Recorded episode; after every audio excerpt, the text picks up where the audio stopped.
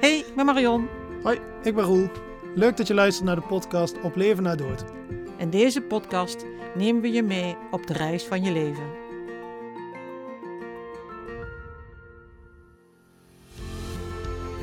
Maar dat is ook het mooie. Als, ik, als we aan bed zitten, dan zien we ook heel, heel veel mooie dingen gebeuren. En je ziet ook dan nog heel veel lolles op dat moment. Want dan worden nog herinneringen opgehaald. Dan worden nog, nog leuke dingen verteld. Maar ook aan de andere kant heel veel dingen die, die ze juist tegen de familie niet meer uitspreken. Dat ze denken van nou, daar willen we de familie niet meer mee belasten. Dus het is echt een, fase dat wij dankbaar zijn dat we er mogen zijn. Ik denk dat heel veel mensen ook helemaal niet weten wat er allemaal kan. En ja, bij de hospice heb je natuurlijk die, die, die hoge drempel. Je moet je eigen huis uit. Je moet naar een vreemde plek. Nou, Ja, Marion, zitten we weer. daar zitten we weer, hè? Toch weer eh, een nieuwe mooie aflevering voor de boeg vandaag. Weer gaan, we, gaan we zo meteen wel eens wat over vertellen. Ik, ik, ik ben gisteren, heb ik, dat wilde ik jou nog even vertellen. Ik ben gisteren bij, eh, bij de Efteling geweest met mijn dochters. En wij liepen door het Sprookjesbos. En ik zag daar de, de wensambulance, zag ik daar lopen. Ja. Ehm, ja, ik vond, ik vond dat prachtig. Dat, het, het sluit ook zo mooi aan bij dit onderwerp vandaag. Ehm, die mensen, die, die, daar liep een gezin. eh, die meneer op de brancard. eh, de mensen van de wensambulance erbij.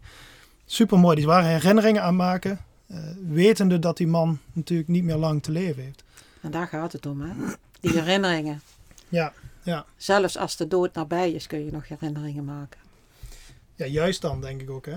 En je stipt wel een hele mooie stichting aan. Ja, ja, een wensambulance. Ja. Ja.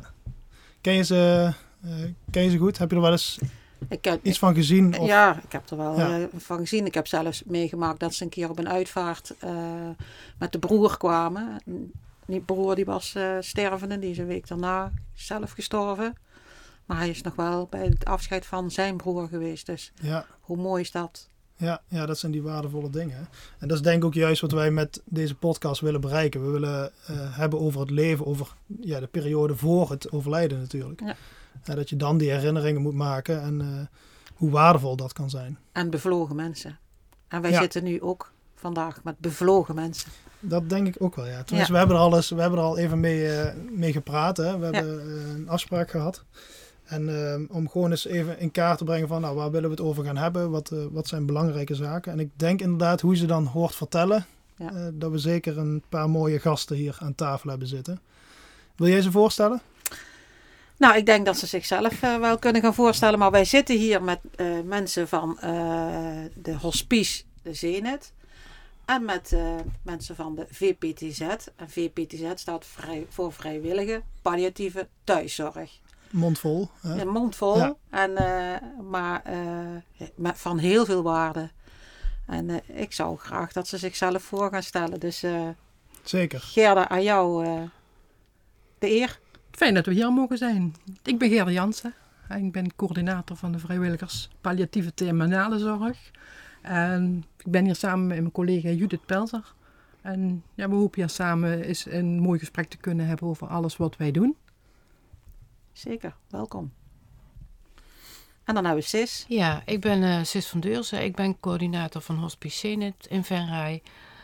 En dat, doe ik, dat bestaat inmiddels al eh, ruim 16 jaar. En dan ben jij, jij bent ook al 16 jaar ja, ik ben er ook al 16 jaar. Ja, inderdaad. Ja. Ja, Ja. mooi. Hoort bij de inboedel, zeggen ze dan. Hè? Nou, een beetje, een beetje wel, de ja. inboedel. Ja, ja, ja. Hey Gerda, nou hoor ik jou inderdaad zeggen, eh, en je keek me al aan, de VPTZ. Dat staat dus voor Ja. Vrijwillige Palliatieve Terminale Zorg. Ja. Ja. Kun, je dat eens, eh, kun je dat eens uitleggen? Want ik kan me voorstellen dat er mensen zijn die het niet kennen. Wij werken dus, in, zoals we al zeggen, met vrijwilligers. We hebben alleen maar vrijwilligers waar, eh, waar wij mee werken. En we werken in de laatste fase van, eh, van het leven van de mensen. Dus het is echt eh, de, de terminale fase en de palliatieve fase. met name de terminale fase waarin we werken. De allerlaatste fase van het leven van mensen. En daar ondersteunen we in de thuissituatie. Dus het is echt de, op het moment als mensen nog thuis wonen en de familie en de eh, ontzettend veel met, met palliatieve cliënten bezig zijn, eh, om die een beetje te ontlasten. En om daar te kunnen zeggen van nou, jullie hebben eens heel eventjes een adempauze. Je kunt even een boodschap doen, je kunt heel eventjes loslaten, eh, heel even weg, nog, nog weggaan, al dan niet. Maar met name ook in de allerlaatste fase, de nachten. Zodat de mensen die aan dat bed staan de hele dag de rust krijgen die ze nodig hebben om dan overdag weer er te kunnen zijn. Dat is dus eigenlijk, dus vooral uh, ook voor de, voor de naasten. Ja, dus met name voor de naasten in die fase. En als we dan net een beetje teruggaan uh, in, in de laatste weken ervoor, als mensen nog wel aanspreekbaar zijn, als ze er nog wel uh, behoefte aan hebben, dan zijn we er ook met name voor de cliënt. En de cliënt is altijd ons, ons item waar we voor staan. Maar ja, ja het is onlos, onlosmakelijk verbonden met juist die, die, mantelzorgers die daar de hele dag zijn. Ja, ja, ja. Die, die mantelzorgers, daar komen we daar ja. nog wel heel even op terug. Dus je geeft ook aan, nee, je bent er in de, in de fase voor het overlijden. Je hebt de palliatieve fase en de terminale fase, noem je het ook. Wat is het verschil daartussen? Palliatieve fase is echt uh, nog, nog, dat kan tot drie maanden van tevoren zijn. Als mhm. mensen weten dat ze gaan overlijden, maar nog eigenlijk nog best wel veel dingen zelf kunnen. Nog graag een wandelingetje maken, nog graag uh, contacten hebben. Uh, dan is dat eigenlijk een fase waar mensen wel te verwachten overlijden hebben, maar eigenlijk nog niet weten ongeveer hoe wanneer of hoe of wat.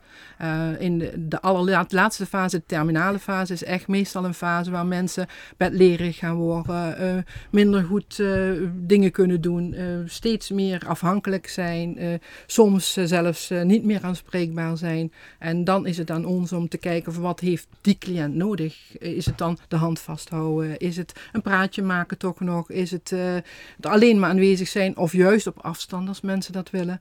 Dus eigenlijk is alles mogelijk. Ja, want ik kan me ook voorstellen als je als derde binnenkomt, ehm, dat er ook wel dingen met, met de zorgverleners besproken worden die ze heel moeilijk vinden om aan hem naast te zetten. Want het gaat over verdriet, het gaat over afscheid nemen. En dan is het heel moeilijk soms om dingen uit te spreken. En dan is het zo fijn dat je dan dat kunt doen met iemand die verder van je afstaat. Ja. En toch de aandacht heeft en de tijd om naar jou te luisteren. Maar dat is ook het mooie. Als, ik, als we aan het bed zitten, dan zien we ook heel, heel veel mooie dingen gebeuren. En je ziet ook er nog heel veel lolles op dat moment. Want dan worden er nog herinneringen opgehaald. Dan worden nog, nog leuke dingen verteld. Maar ook aan de andere kant heel veel dingen die, die ze juist tegen de familie niet meer uitspreken. Dat ze denken van nou, daar willen we de familie niet meer mee belasten. Dus het is echt een, een fase dat wij dankbaar zijn dat we er mogen zijn. Ja, ja. Het is allemaal op basis van vertrouwen. En, is vertrouwen, ja. Maar mooi dat je dat zo ziet. ja is echt een. Uh, dus, ik zeg ook altijd: dit, dit, is een eer dat we er mogen zijn, want ja. dit is wel een hele intieme laatste fase. Zeker. Ja. En we hebben wel inbreuk op het hele gezin, want het, het, het heeft wel impact op het hele gezin. En aan de andere kant ook natuurlijk voor hun een hele grote ondersteuning en een dankbaarheid die voor ons natuurlijk is dat ze eventjes rust krijgen. Ja. Dus en dat horen wij weer terug. Ja, zeker. Hoe dankbaar ze zijn. Ja. Ja. ja. ja, want je zegt ook we werken met vrijwilligers. Zijn het enkele alleen vrijwilligers die bij jullie werken? Ja. Wij werken echt alleen met vrijwilligers en dat is heel divers van mensen die nog uh, zelf nog werken in zorg, al dan niet, want het kan allemaal. Maar ook uh, mensen die uh, helemaal niks met zorg te maken hebben, ouder zijn, zelfs de 80-plussers die nog gewoon aan dat bed zitten en gewoon dat heel fijn vinden om dat contact te hebben. Ja, dus het is heel divers. Het is ook niet leeftijdsgebonden. Het is helemaal niet leeftijdsgebonden. Nee, nee. nee want de, de, de taken die ze dan uitvoeren, zal ik me even noemen, die zijn ook heel verschillend, denk ik dan, of niet? Ja. Uh, in de voorfase van het leven is het nog van uh, een stukje wandelen kan. Dat, dat, dat mm -hmm. een, een, spelletje doen bij sommige cliënten nog, uh, een praatje maken. maar met name het vast, hand vasthouden al dan niet. Het bidden met mensen als, dat, als ze dat nog graag willen. Een liedje ja. zingen platen luisteren. Eigenlijk zo divers, maar het is, is vingerspitsengevoel wat mensen daar uh, uh, nog inbreng kunnen hebben. En maak je dan van tevoren met zo'n uh, familie een plan daarvoor? Of, of ga je dan samen kijken van, nou, deze taken willen we graag dat jullie samen met ons doen? Of is het echt iedere dag weer bekijken van, nou, wat gaan we vandaag ja. doen? Het weet eigenlijk niks op script. Alles is, is op gevoel. Alles is op wat, wat krijg je voor reactie terug. Uh, sommige mensen, als, als ze onrustig zijn en je pakt de hand vast, trekken ze de hand terug. Nou, dan weet je dat je dat niet moet doen. Ja. Sommige mensen die, uh, juist als je de hand pakt, dan zie je dat mensen rustig gaan worden. Nou, dan weet je dat dat het item is wat je nodig hebt. Ja. Dus het is heel verschillend, het is heel divers. Het is elke keer weer kijken wat is er op dat moment nodig. En dat ja, en, en niet alle vrijwilligers zijn hetzelfde. De ene die, die heeft nog meer dat gevoel om juist die diepgang te creëren. Anderen hebben juist zoiets van, nou, ik ben er, maar ik doe dat juist niet. Dus ook dat, dat kan. Ja. Nou, wat ik ook, ook terug hoor, hè, als wij dan uh, na, na het overlijden bij de mensen komen, is dat ze zich zo gesteund voelen. Dat ze niet, eh, de, de nabestaanden dan, dat ze er niet alleen voor staan. Dat ze weer partner kunnen worden. Uiteraard eh, naast de thuiszorg en de huisarts. Maar dat juist die eh, vrijwilligers van de VPTZ, dat die juist een klankbord kunnen zijn. Dat, ze, dat, hè, dat er wat luchtigheid is. Ja. En dat er ook voor hun wat ruimte komt om Ja. over andere gesprekken te hebben. Of, of dat zij heel even weg kunnen gaan. Maar dat is juist Ja. het mooie. Zij, zij hebben ook eh, die steun van ons, omdat ze ook dat verhaal kwijt kunnen. En ook een professional bij zich hebben zitten die even met hun dat praatje kan maken. En, en samen met hun kan kijken, wat gaat er nou gebeuren? En hoe voelt dat dan? En dat gevoel mag er zijn. En ja, dat, dat stukje, dat, dat voelen eh, juist die, die, die eh, thuis en, en de, de naasten, die voelen dat. Ja. Ja, Want het kan heel hard werken zijn, hè? de weg naar het overlijden Ja. toe. Zowel voor degene die Ja. komt te overlijden, Ja. maar ook voor de naaste. Ja, en dat is ook bij iedereen verschillend. Je moet er klaar voor zijn om te sterven. En de ene die kan het makkelijker en de ander die moet nog echt een strijd leveren. Dus daar zit nog heel veel verschil tussen. Ja. En die strijd, ja, als je dat samen kunt doen, is dat gewoon heel mooi. Zeker. En dat maakt ons vak ook zo mooi. Dat je gewoon er kunt zijn met hart en ziel. En eigenlijk eh, als Ja. vrijwilliger ook die verplichtingen verder niet hebt. Je hebt gewoon de tijd en de ruimte om er te zijn. En ja, dat, dat is het ook. Ja, want Ja, en, wa- ja, nee, want je, je, je, ehm, eh, je vertelt nu dat het echt een hele, hele mooie toevoeging is wat jullie doen. Ehm, maar ik kan me voorstellen dat jullie ook in hele lastige situaties soms komen. Ook dat, heel divers. Ik doe soms komen we bij mensen die helemaal alleen eh, wonen en waar we de sleutel pakken en naar binnen gaan en nooit binnen geweest zijn. En dan om, eh, om zes uur de deur achter ons dicht trekken en weer de sleutel weghangen en dan maar eh, ons werk doen.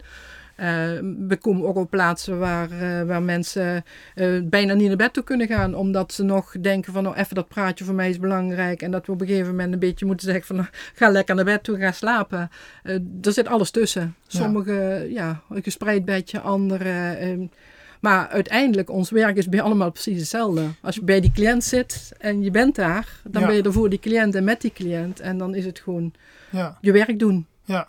Ja. ja. nou en dus ook, ehm, eh, volgens mij zei je dat ook Marion, van ehm, de naasten worden hier ook in betrokken. Hè? En Ja. ehm, iedereen moet er natuurlijk wel ook voor openstaan, voor hulp van buitenaf. Ja. Zie je daar wel eens dat daar eh, verschil in zit? Zeker. Zeker. En met name de eerste keer als je er naartoe gaat, mensen weten niet, niet wat ze kunnen verwachten. En dan zie je ook vaak dat ze eigenlijk een beetje achteroverleunen. Zo, oké, wat kunnen we hier nou van verwachten? En je ziet vaak als ze dan de eerste inzet gehad hebben, dat mensen ook gaan ontdooien. Al dan Ja. niet. Sommigen willen dit eigenlijk ook niet, maar we- weten wel dat het verstandig is om iemand in huis te hebben. Dus die afhankelijkheid natuurlijk Ja. ook, hè? Ja, en die laten het dan toe. Nou, dan zitten we op afstand. En dan gaan we in de kamer zitten terwijl hun in bed liggen. En dan is het ook goed. Dus alles, alles kan. Ja. Maar je haalt een, een vreemde in je thuissituatie. Ja. En, Ja. eh, en eh, Ja. dat lijkt me ook wel gewoon heel moeilijk. En, en het is natuurlijk al vaak, dan heb je ook eh, thuiszorg. Of, eh, dus dat, die afhankelijkheid en van vreemde mensen toelaten in jouw privé. Ik merkte dat al bij mijn, eh, de geboorte van mijn eerste dochter. Ja. Dan krijg je dus kraamzorg Ja. in huis. Ja. Ja. Kan ik helemaal niet meer overweg. Nee. Nee? Ik, Nou, ik- Dat is niet, jouw ding. Ik kan jou, de- ik kan jou de hand schudden. Ik Ja. dacht, oh, wat komt hij hier doen? Zeg. Ja. Het is mijn Zeggen huis. dat ik op bed Ja. moet gaan liggen even. Of, eh, Oh. Ja, ik had echt zoiets van, Ja. eh, toen had ik al wegwezen. Het is Ja. mijn huis en het is Ja. mijn...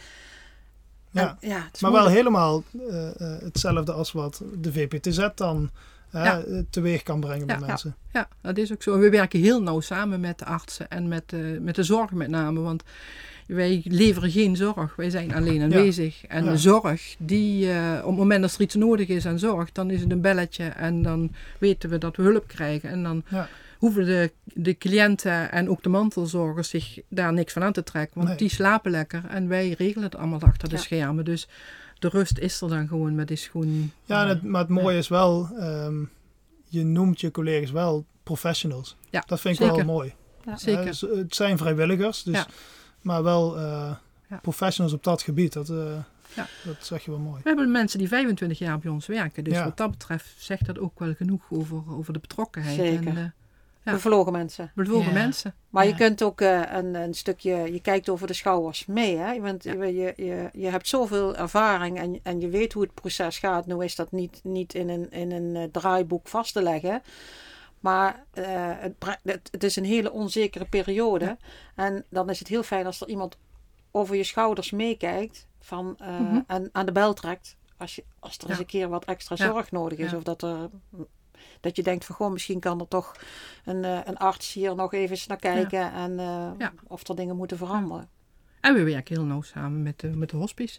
Ja. Want dat stukje dat is ook eh, voor ons, als wij op een gegeven moment Ja. zien in een thuissituatie dat het eigenlijk niet doenlijk is om die 24 uur op te vullen. Want dat is bijna niet mogelijk. Op een hele korte periode kan dat. En dan is het mooi om dan eh, Ja. daar samen met de hospice te kijken van goh, wa- wanneer kunnen ze overstappen daar naartoe? En Ja, om want dat het- gesprek met mensen aan Want, te gaan. want dat hoor ik wel vaak, dat mensen wel zo lang mogelijk thuis willen blijven. Dat hoor, Ja, ik, ja. hoor ik geregeld wel Ja. En dan is het thuis willen blijven omdat ze dat beloofd hebben dat mensen Ja. thuis mogen blijven. En dat is ook een item. Dat is moeilijk ja. soms. Soms is het ook niet, niet eh, reëel om dat te willen. En dan zie je ook vaak dat daar een, een, een hele rare kronkel in komt. Ja. Mensen veel te laat bij ons aan de bel trekken. Dat ze veel te lang eh, eh, eigenlijk doorsudderen thuis. En dat er op een gegeven moment helemaal mensen zo oververmoeid raken. Ja. Mantelzorgers. En dat is ook, ook vaak het moment dat wij eh, binnenkomen. En maar dan ook echt realistisch gaan kijken. Van, wil je dit nog heel lang volhouden? Of ga je toch inderdaad voor die hospice kiezen? En ga je thuis in de thuissituatie dit met vader of moeder bespreken? Van eh, is dit reëel en wat doet het met ons? Ja, ja, precies. Ik vind het ook wel een mooi bruggetje, Gerda. Naar Ja. Sis. Ja, zeker. Van de hospice. Heel mooi bruggetje. Ja. Want Sis, eh, bij jullie komen de mensen en verblijven ook bij jullie. Ja, ja, ja, ja. 24 uur. Wij nemen eigenlijk eh, al ja, alles over. Alles is te veel gezegd. Maar wij nemen wel ook het wonen en eh, de zorg. Wij, wij doen eigenlijk alles. Ja. Natuurlijk in overleg. En soms wil familie ook nog wel zelf zorgen. Kan ook. Ik weet nog in het begin dat er iemand kwam. Die zoon die kon eigenlijk de zorg niet, niet afstaan. Die had echt zoiets, ja, dat weet ik gewoon het beste. Hm. En daar hebben we echt, een, een, ik geloof wel een week ons best voor moeten doen. En toen ging hij een keer thuis slapen. Toen zei hij, nou, ik denk dat jullie het ook wel kunnen. En dan is het puur ging om, hem te Dat ontlasten eigenlijk. Jullie merken Ja. dat dat hem voor Ja, dan loopt het thuis net wat Gerda ook zegt. Dan, Ja. dan los je het niet meer op met eh, een paar uur zorg. Nee. Dan is er gewoon meer nodig. Ik vind wel zelf, uit mijn eigen oogpunt, wel interessant. Het, het professioneel gedeelte, ja, dat is allemaal professioneel. Maar, maar Mhm. de, de, de mensen die dus eh, eh, hieruit een salaris ontvangen. Ja, Van waaruit wordt dit eh, bekostigd?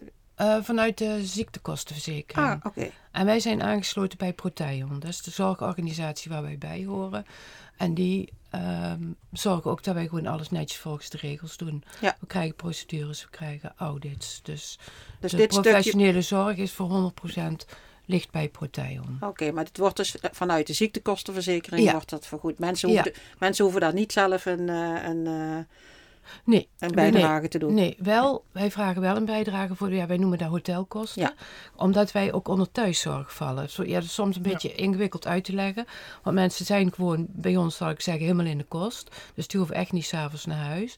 Maar ehm, wij vallen onder de thuiszorg. En dat betekent bijvoorbeeld dat ehm, ja, voor de ehm, verwarming, voor de verlichting en zo krijgen wij ook nergens geld van. Nee. Dus daar hebben wij een, een dagprijs eh, voor gemaakt.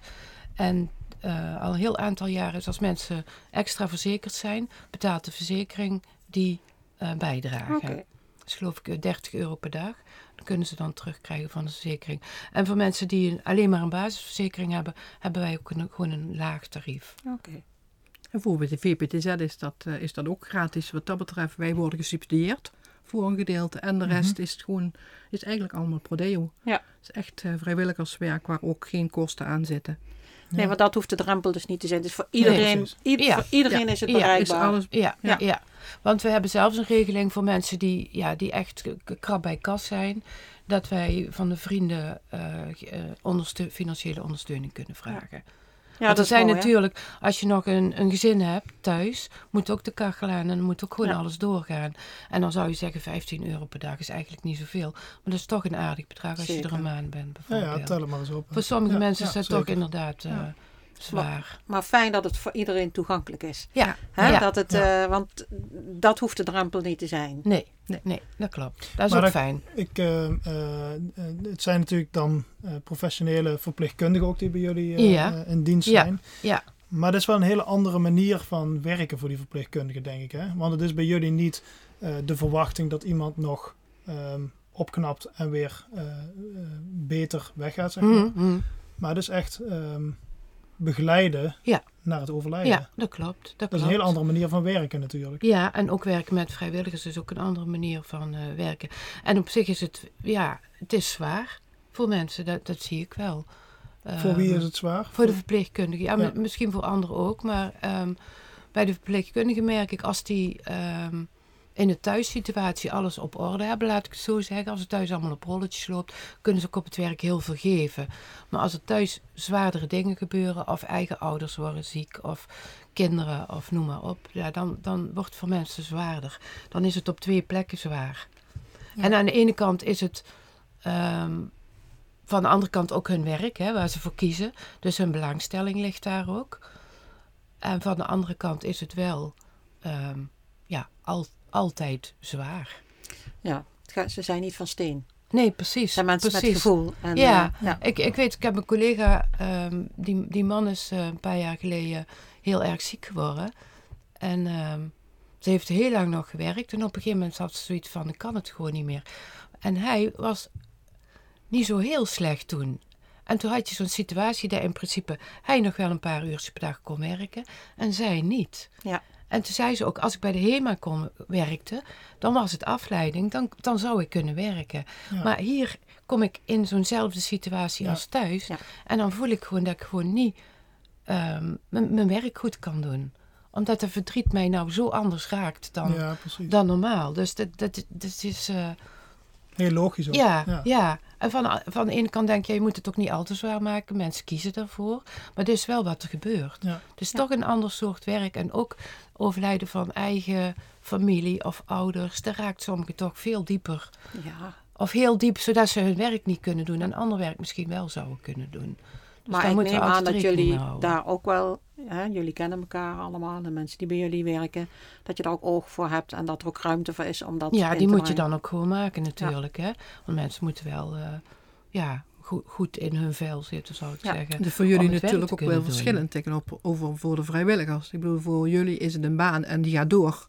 Voor ons als vrijwilligers kunnen gewoon dan op dat moment eventjes afstand nemen. En kunnen Ja. zeggen van, oh, ik wil gewoon een aantal weken niet ingezet worden. Of een aantal maanden desnoods niet ingezet worden. Dus dat grote verschil is er wel als je als professional Dat werkt. klopt. Of voor, ja, voor ons professionele eh, vrijwilligers die daar eh, op de werkvloer zijn. Dus dat maakt wel verschil, denk ik. Ja, Nou, ik merk daar zelf ook wel. Ik, ik denk dat jij dat ook wel hebt, Roel. eh, eh, eh, maar wij komen na het overlijden en je gaat zo diep in de materie en je in het verdriet in.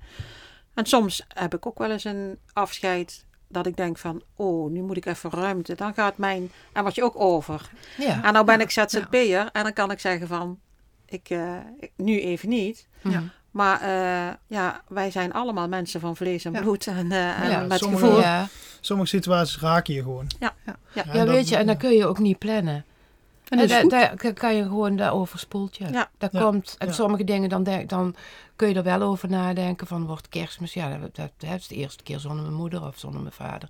Kan je al een beetje Ja. over nadenken en toch zijn er vaak juist de momenten dat je het niet verwacht. Ja.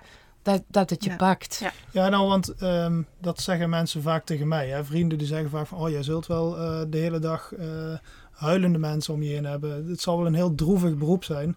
En dan zeg ik ook van, nee, dat, dat is het niet. Maar hoe Nee. is dat bij een, een, een hospice of bij een VPTZ?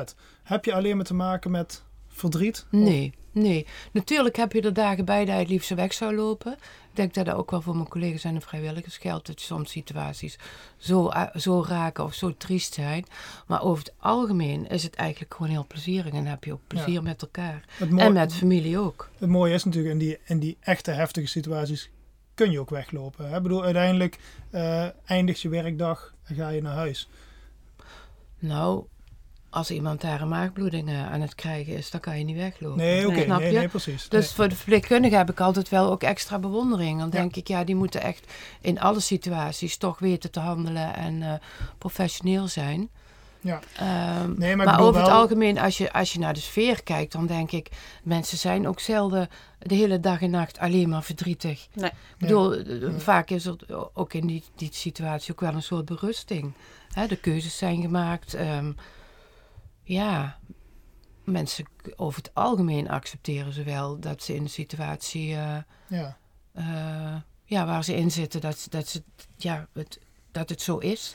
En je komt ook niet, ik doe het tussen aanhalingstekens, dat kunnen mensen nu niet zien, maar je komt ook niet in een doodse omgeving. Als je bij jullie binnenkomt, Nee, dat is waar. dan is er Ja. echt niet, oh hier hangt de dood. Nee, Want het is echt nee. niet zo, Het is hè? een vrolijke omgeving. Ja, ja. Mensen ja. kunnen heerlijk Huiselijk. wandelen. Het is gewoon huiselijk. eh, Ja. eh, en ook al, eh, mensen kunnen ook gezamenlijk eten. Ja. En ook al weten ze dat ze allemaal Ja. hetzelfde eh, lot, nou hebben we allemaal hetzelfde lot, dat we allemaal een keer, dat het leven allemaal een keer eindig is, maar daar is het dan dichterbij. Toch gaan die mensen nog gewoon met elkaar aan tafel en praten over andere dingen. het, Ja, is, ja. het is Ja. anders dat heel veel mensen denken dat het, de dood daar hangt. Want dat is Nee, nee, dat helemaal klopt. niet zo. Nee. Nee. Klopt, en dan zeg ik ook altijd als mensen twijfelen, hè, want van, hè, zullen we iemand op laten nemen of niet, gaat, vaak gaat het dan over ouders.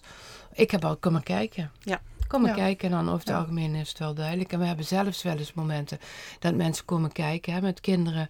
En we hebben echt verschillende keren gehad dat dan degene waar het om gaat zegt, kan ik niet nou al blijven? Ja. En dan Ja. zie je dat de mensen die zelf zo ziek zijn, al, ook in hun gedachten al verder zijn dan de familie. ja, want we hadden het straks al, had ik het even over de financiële drempel. Maar er zijn drempels. Tuurlijk. En die maken jullie, eh, eh, jullie Mhm. horen die. Wij maken die mee op, als wij bij de mensen komen. Dat we zien dat mensen gewoon totaal gesloopt zijn. Gewoon helemaal op. Mhm. En dan moeten ze het afscheid nog regelen.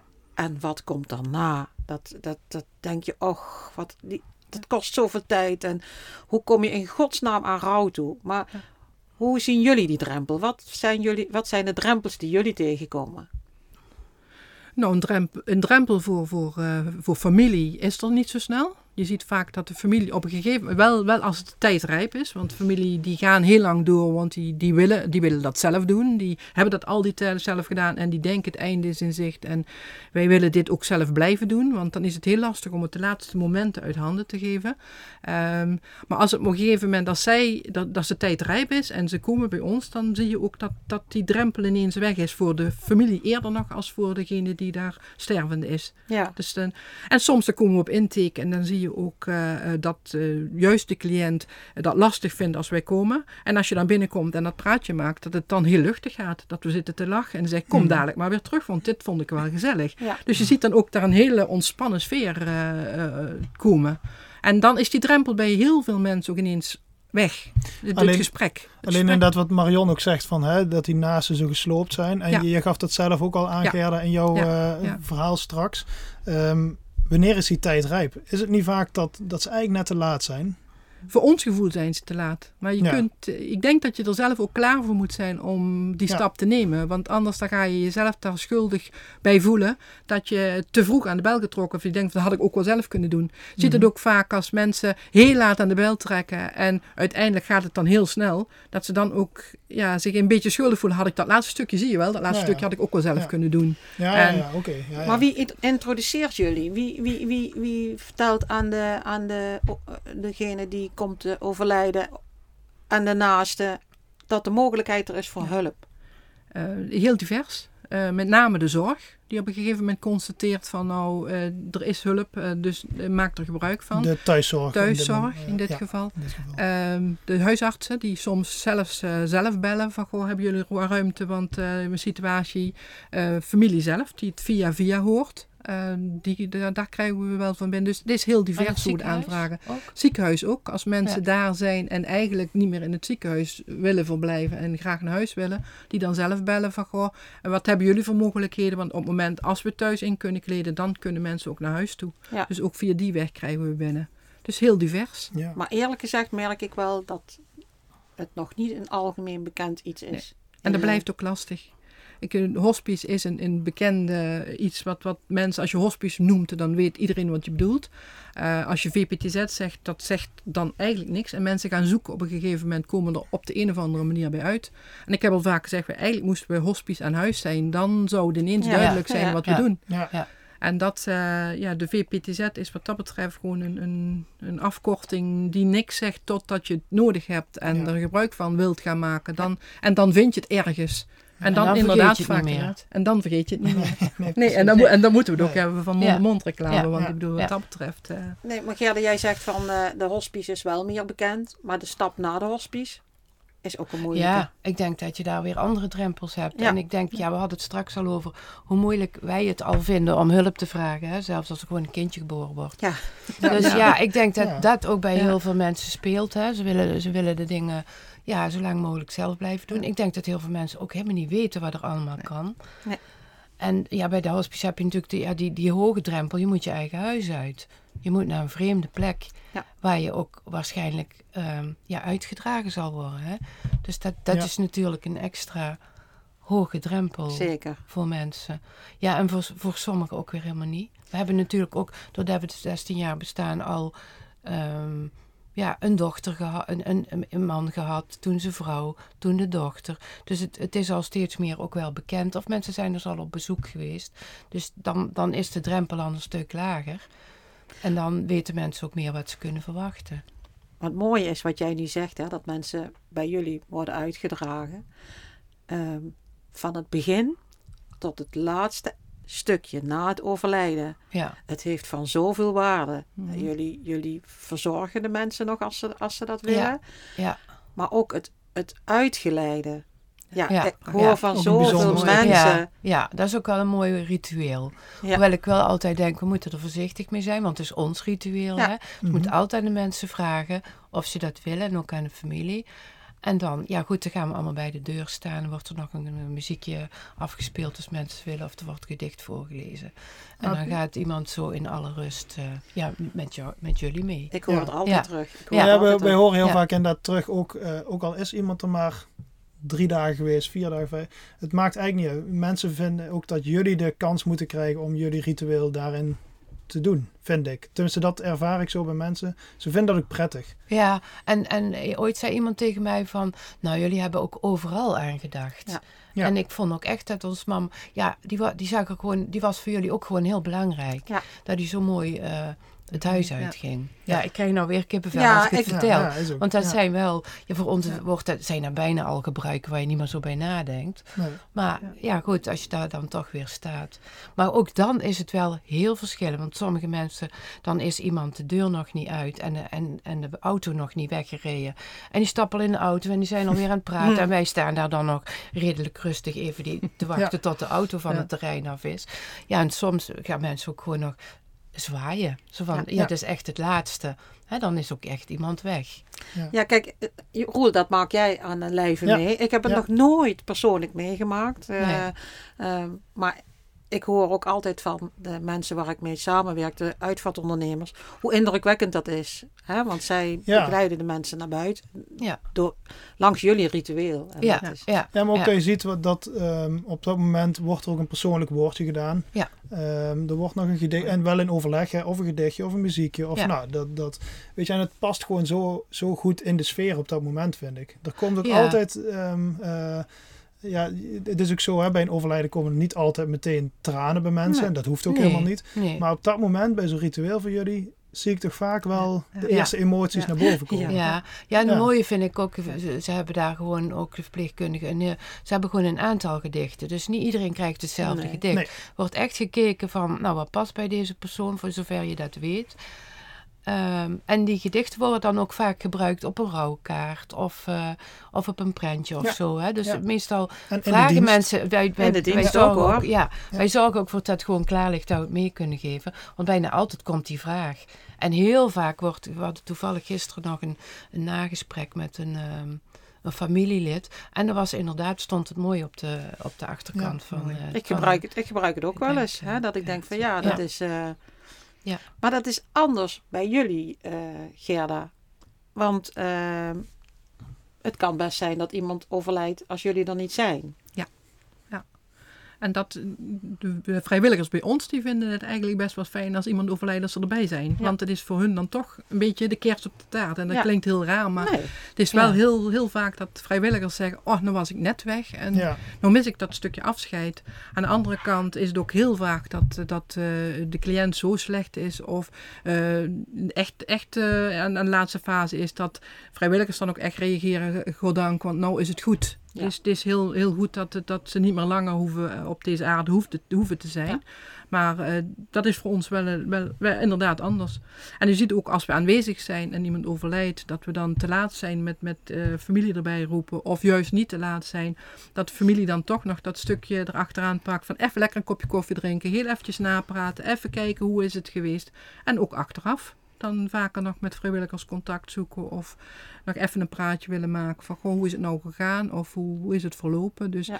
dat is voor ons meer op afstand en toch heel dichtbij. Want dat is ook zo waardevol, hè? Dat, Ja. dat, dat jullie vanuit eh, jullie eh, ervaring vaak wel zien van, oh, ik moet je er toch even bij roepen, want dit zou wel eens het moment kunnen zijn. Ja. En dat wordt van zoveel waarde gezien, hè? Dat, ze, dat, dat, dat ze er nog, dat ze bij het laatste stukje kunnen Ja. zijn. Ja. En dat Maar- is ook het mooie. En dat is heel vaak, ja, het is gewoon niet te regisseren. En Nee, dat- je ziet nee. heel vaak dat mensen, eh, wat ik hoor, dat, dat het gezin even naar huis is gegaan Ja. en dan, eh, dan vindt het overlijden plaats. Mensen, de- Ja, maar- mensen zoeken hun moment. Dat denk ik ook echt. Dat Zeker. idee heb ik ook. Ik Ja. denk ook, uh, sommige Ja. mensen, daar kun je heel lang bij waken. En dan ben je 24 uur per dag aanwezig. En dan juist als iemand er even niet is, is net of mensen dan hun moment zoeken van, van rust. En sommigen eh, zeggen dat ook, dit past precies bij ons mam, dit past bij pap, want die willen dan niemand bij hebben. Nee, die willen Dus- er ons besparen. Ja, Ja, want Ja. Als, ik, als ik dan kom, eh, hè, dan eh, gaat het eigenlijk altijd eerst heel even over dat laatste stukje. En dan zijn ze heel verdrietig dat ze dan, hè, want dan zijn ze Ja. alweer een dag verder. Van, goh, ik was er niet bij. En dan, eh, nou, ik heb zelf de opleiding stervensbegeleiding gedaan. En van daaruit, en ook wel uit mijn eigen ervaring, zeg ik dan, ja, maar het is heel moeilijk wat je lief is om los te laten. En mensen willen het verdriet niet zien. En er zijn gewoon mensen die, die juist, juist die ruimte nodig hebben Mhm. en niet het verdriet willen Ja. meemaken. Want ook, eh, ja, ik heb, vind dat uit mijn eigen ervaring, als mensen eh, eh, de slapend eh, eh, gebracht worden, dat er na, van mijn gevoel nog echt wel de regie van de persoon zelf uitkomt. Oh, ja. ik denk dat het ook Ja. zeker zo is. en ja. hij of zij kiest zijn of haar, Haar moment, moment, om ja. te gaan. Ja. Want zo gebeurt het even goed andersom, hè? Dat er nog gewacht wordt op iemand. Ja, En zeker. die er dan is, dat mensen dan het, het leven los kunnen Ja, laten. zeker. Maar, maar wat Ja. is jullie, ehm, eh, jullie idee? ehm, willen we ook het overlijden te veel regisseren of niet? Ik hoorde daar toevallig, Ja. pas hoorde ik daar wel een verhaal over. Ehm, is het zo dat wij, eh, als, als, vooral dan als mensen die ernaast staan, dat we het overlijden mooier willen maken of dat we het willen regisseren? Of, hoe nou, dan heb je het niet over de euthanasie. Hè? Dan heb je het, heb je het, Mm, dan heb je het meer over, over het, het levenseinde. En, eh, Euthanasie kan er wel een onderdeel van zijn. kan een onderdeel kan, zijn, maar kan. gewoon over, over eh, het laat zich niet regisseren. Nee, dat was ik net aan denken. Je kunt het niet regisseren. En natuurlijk zou de familie en de naasten dat heel graag willen. Want iedereen zegt van nou, laat maar lekker inslapen.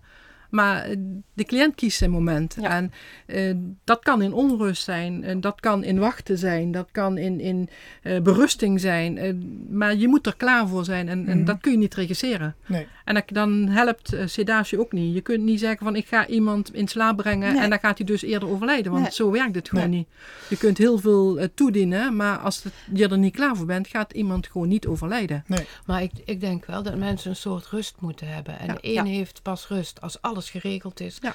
Tot alle muziekjes en tot, tot in de puntjes de tijd en Mhm. hoe lang. En, en andere mensen die, die zijn er klaar mee als gewoon de hele familie compleet is. Ja. En Ja. dat, dat vind ik wel grote verschillen. Sommige mensen die nemen wel alle tijd. En die zitten er gewoon net zo lang bij als nodig. Ja. En andere mensen zitten wel eens gewoon, ook door omstandigheden, van ja, eigenlijk, ehm, eigenlijk moet hij moet hij vandaag wel sterven. Ja. Mijn zoon heeft maar een week vrij en die woont in eh, Oostenrijk. Ja, ja. En die moet gewoon dan en dan terug. Ja. Ja, dat, dat zijn ja, voor Ja. ons bizarre situaties. Maar goed, dat is wel hun, hun waarheid op dat moment. Maar ik denk, je hebt gewoon wel verschillende mensen. Sommige mensen Ja. willen alles geregeld. Ja. Anderen kunnen het gewoon laten gebeuren. Sommige mensen hebben heel veel informatie nodig. Wat gaat er allemaal gebeuren? En als het dan gebeurt zoals het uitgelegd is, geeft het ook weer rust. Want het klopt, zo heeft de dokter het ook gezegd. En zo gaat het ook. Andere mensen hebben dat helemaal niet nodig. Die worden daar onrustig van. Of die hebben zoiets, ja, we zien wel. Dus sommige het, mensen- het ligt ook aan wat voor soort mens je bent. Zeker. Sommige mensen voelen het ook. Want als je op een gegeven moment zegt we gaan bedienen en we gaan dat vanavond om acht uur doen, dan zeggen sommige mensen dat is te laat. Dat kan niet. Mhm. Ja. En dan zie je vaak dat dan het naar voren getrokken wordt, maar dat je dat moment ook echt niet gaan halen. Ja, en wat ja, mensen dan voelen, Ja. want dat heb ik wel eens gevraagd. Eén keer kwam er iemand bij mij en die zei van, goh Gerda, kun je voelen als je gaat overlijden? Ik zeg, "Nou, wat voel je dan? Ik zei, je kan niet zeggen wat ik voel, zei hij, maar als, als dat zo is, zit hij, dan ga ik dood. Ja. En toen had ik zoiets van, nou dit, en die was nog best wel goed. Die was nog echt wel, wel gewoon aan spreken, liep nog gewoon rond en is wel diezelfde nacht overleden. Ja. En sommige mensen voelen toch op de een of andere manier dat dat gaat Ja, gebeuren. dat is heel bijzonder. Dat is heel bijzonder. Maar ook, ook eh, wat ik zo erg vind, is de angst om, eh, om dood te gaan. Om, en daar zit vaak ook een factor onwetendheid in. En dat Ja. is ook fijn als er dan professionals zoals jullie eh, zijn, Ja. die, die een stuk Ja. angst weg kunnen halen. Ja. Want de angst voor de dood is toch wel, vind ik toch wel heel erg. Ja. En, dat- en, en als je angst hebt, is het ook vaak moeilijk om, er, om, om het te bespreken. Van, Mhm. van Ja, hun uit, hè? ja, Van, om om ja. daarover te beginnen. Van, wat, waar ben je bang voor? Mhm. Ja. Ja. En dat zijn dus ook gesprekken die onze vrijwilligers heel veel met cliënten voeren. Juist in die laatste fase, Ja. want dan zijn ze alleen. Vaak midden in de nacht. Eh, mensen zijn onrustig of slapen slecht. En dan zie je vaak dit soort gesprekken wel ontstaan. En dan zie je ook een stuk die rust komen. Het zijn ook vaak dezelfde vrijwilligers waar cliënten bij overlijden als in dienst zijn. Mhm. Gewoon omdat die toch waarschijnlijk die rust kunnen geven. Ja. En, en samen die rust kunnen creëren. Ik wil ook nog heel even, want we, zijn al heel lang in gesprek. Hè, en ook deze zal in het vervolg ook nog wel eh, in onze volgende sessie zeker. zeker. verder gaan. Maar ik wil toch nog graag voor jullie horen wat de misverstanden zijn rondom het overlijden. Want die zijn. Nou, eh, wat ik zie als misverstand is dat eh, mensen denken zo gauw ze een morfine krijgen. Dat, dat iemand dan gewoon binnen een bepaalde tijd eh, overlijdt. Ja. Dan, o jee, die is al, al aan de Aan de morfine. morfine. Dus het zal wel niet meer zo lang Mhm. duren. Ehm, En toen keken we elkaar aan. ja. Nou, ik, ik vind wel een misverstand eh, dat je eh, je leven niet meer zelf in handen hebt als je eh, bij een hospice komt of anderen eh, Oh, in ja. huis haalt. Ja. Want het is niet zo. Jij Nee. bent nog altijd degene die Ja. zelf bepaalt van hoe, hoe er met jou omgegaan wordt. Ja, en je gaat ook niet altijd dood in een hospice. Nee. Wij hebben ook nog wel met regelmaat dat we mensen terugplaatsen die of een beetje opknappen of gewoon heel lang hetzelfde blijven en eigenlijk niet slechter worden. Dus we hebben ook wel eens eh, mensen die het hospice eh, verlaten. Ja. Want daar wordt ook nog wel eens gedacht, hè. Als ik naar een hospice ga, dan ga ik dood. Nou, dat is niet waar. Ja. Omdat je doodgaat, ga je naar een hospice. Ja. dus dat is nog wel een verschilletje. Ja, Nou, het, gaat eh, niet, het gaat niet om de dood, juist om het leven. En om Ja, het, hè, en Inderdaad. ik vind dat het Ja. mooie van eh, eh, een, een, eh, je, je, je brengt leven. Je brengt niet dagen. Nee, hoe, hoe zeg ik dat nou? Je vult de dagen met leven en niet Het leven, leven met de dagen. Ja. Ja. Het Ja. gaat om de kwaliteit en niet om de kwantiteit. Ja. Ja, zeker. En ik denk ook de meeste mensen die in een hospice werken, en misschien bij jullie ook, toch wel meestal de levensgenieters zijn. Ja. En niet de sombere mensen. Ja, want die halen in die, ieder geval die de- moet je daar niet hebben. De kleine gelukjes uit het leven. Ja. ja. ja. En de Nog mensen die dat zijn, die de sombere kant zien, die kunnen hier ook niet van genieten tussen aanhalingstekens. Nee. Want ja, het is ook, de vrijwilligers genieten daar gewoon van om daar Ja. te kunnen zijn en te mogen zijn. Nou te mogen zijn met. Marion zei het al in de eerste aflevering over mijn beroep als eh, begrafenisondernemer, zo maar even zeggen. is niet sexy. Het was geen sexy beroep. Nee. Nee. Hoe, hoe zou dat zijn bij de VPTZ en het hospice? hoe kijken mensen daar tegenaan? Ja, heel onbegrijpelijk soms. Ja, Van, ja, ja. Hoe kun je daar nou voor kiezen? Ja, Wat is daar nou leuk aan? Ja. Daar snappen ze niks van. nee. Nee. En ik denk ook eh, dat als je er niet voor kiest om het te doen en je denkt ik kan dit niet en je zou in een gesprek zien wat het nou daadwerkelijk wel inhoudt Ja. om aan het bed te mogen zitten, dat heel veel mensen dat wel zouden kunnen en ook zouden Ja, willen. zeker. Alleen is het onbekende en inderdaad het bevrezen van oh wee, dat maakt dat, eh, dat, dat eh, vrijwilligers er vaak niet voor kiezen om dit gaan te doen. Ja, ik zou echt een oproep willen doen hiervan. Ga eens in gesprek. Want ik denk dat je dat er bijna geen. Nou ja, natuurlijk, er is van allerlei vrijwilligerswerk wat, wat heel veel waarde heeft. Maar Ja. dit, dit is voor zoveel mensen zou het meer toevoegen in hun leven. En ze Ja. kunnen het ook. Ja. En eh, Zeker. Ja, want wat zijn Ja. de, de leeftijden zo van jullie personeel? Wat, eh, Ouderen? ja, ja, Ja, ja. Ja, zeker toch wel boven de 40, 50. Ja, precies. Ja. Maar het kan jonger, toch? Het kan jonger, ja. Dat mag, hè? Maar je wil natuurlijk wel, zeker voor de beroepskrachten, wel mensen met ervaring. Hè? Mensen die recht van school komen, dat is toch moeilijk. En ehm, je, je, je moet, mensen moeten zich ook eh, ja, goed in, eh, ehm, ervaren zijn in, in ziektes en in ziektebeelden. En Ja. in kunnen leven in de, in de cliënt. Ja. Ook, maar daar kunnen Ja. sommige mensen al Ja. heel jong. Maar je moet gewoon wel ervaren eh, in je technische handelingen ook zijn. Ja, En ja. ziektes kunnen, eh, wat heeft iemand nodig? Heeft hij pijnbestrijding nodig of een slaapmiddel? Ja. Daar zijn best nog afwegingen en die, die kun je niet uit een boekje leren. Dat weet je ook door ervaring en doordat je ook Mhm. eh, weet wat de ene ziekte brengt en de ander juist niet. Ja. Dus dat Gelukkig zijn, er wel tegenwoordig in eh, opleidingsniveau en in eh, webinars en zo eh, veel meer aandacht voor, voor het laatste Ja. stu- levensstukje. En dat is Ja, natuurlijk maar er mag nog wel veel meer. Zeker. Vooral ook bij, hadden we het gisteren ook over bij de scholingen, bij specialisten en huisartsen. Maar we hebben een grote voorvechter hier in Nederland die daar niet mee bezig is. Hè. Die volg ik altijd met heel Oh, zo, veel interesse. Ja, Ja, en, en zijn ja. slotcouplet en dat de karent daarin is uit ontstaan. En, dus eh, Ehm, uren zouden we hier nog over kunnen praten. Zeker, en dat gaan we ook nog zeker wel doen. Ja. we gaan het nog wel hervatten een keer. Ehm, nu willen we gaan afronden. Misschien is het goed om van jullie nog eens te horen van wat zijn nou tips? Wat zou je nou meegeven aan de luisteraar? Hoe je je hierop kunt voorbereiden?